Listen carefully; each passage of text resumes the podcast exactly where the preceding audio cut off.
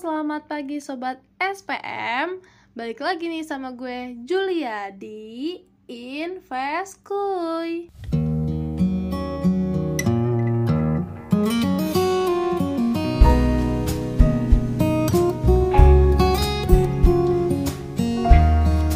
Maaf banget ya sobat SPM, hari Minggu kemarin aku belum sempat upload karena emang lagi sibuk banget nih jadwalnya.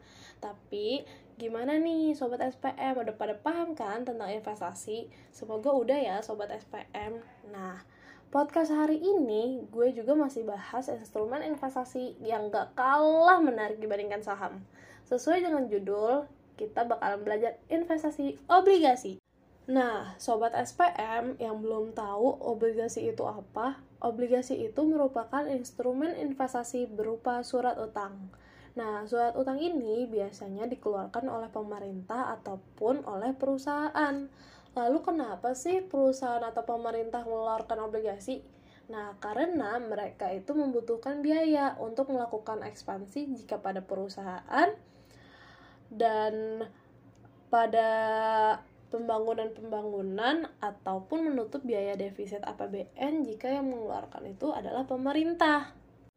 Contoh ya guys, nih pemerintah itu sedang membangun jalan tol. Nah pembiayaannya nggak akan full dari APBN, maka pemerintah akan mengeluarkan surat utang negara atau yang bisa disebut obligasi untuk memperoleh dana dari investor yang kemudian dana tersebut akan dipakai dalam pembangunan proyek infrastruktur.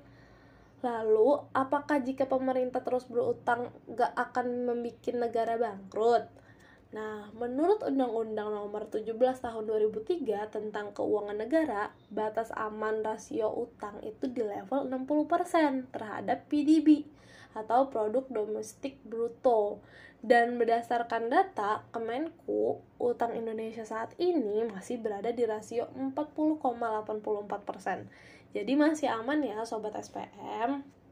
Nah, kalau untuk surat utang negara ini ada dua jenis nih teman-teman. Yang pertama ada surat pembendaharaan negara atau disingkat dengan SPN. Nah, SPN ini kalau di negara lain lebih ke treasury bills. Ini biasanya memiliki jangka waktu minimal 12 bulan.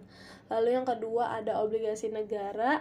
Biasanya yang kita sering dengar adalah obligasi retail Indonesia atau disingkat dengan ORI Selanjutnya ada saving bond retail atau disebut juga dengan SBR dan sukuk retail biasanya juga disingkat dengan sukri.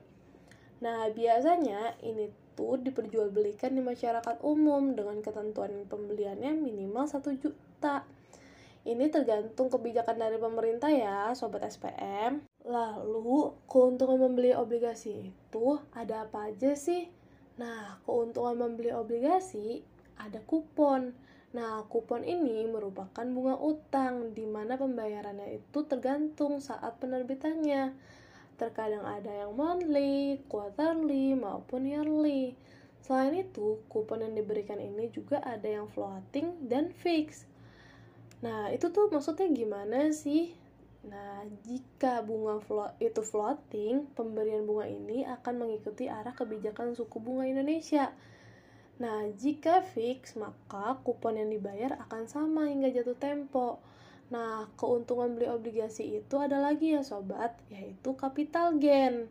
Sama seperti saham, obligasi ini juga bisa diperjualbelikan dan ini tergantung jenis obligasinya ya. Nah, yang perlu sobat SPM ketahui, investasi obligasi ini merupakan investasi yang sangat low risk jika dibandingkan dengan saham apa sih resiko berinvestasi di obligasi? Emangnya resiko yang terbesar dalam obligasi yaitu gagal bayar atau bisa disebut dengan default.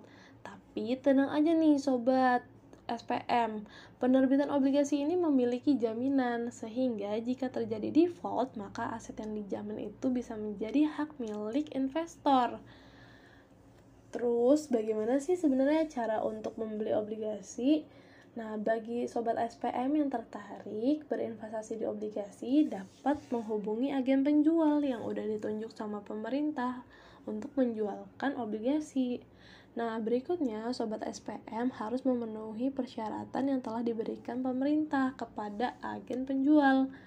Setelah persyaratannya dipenuhi, maka sobat SPM bisa membayar atau membeli obligasi dengan kuantiti yang sobat SPM pengen beli.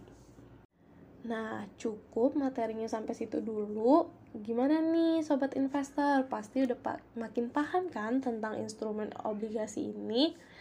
Yuk sobat SPM kita berpartisipasi dalam pembangunan negeri ini karena jika kamu membeli obligasi maka kamu sama saja untuk membantu pemerintah untuk membangun negeri ini.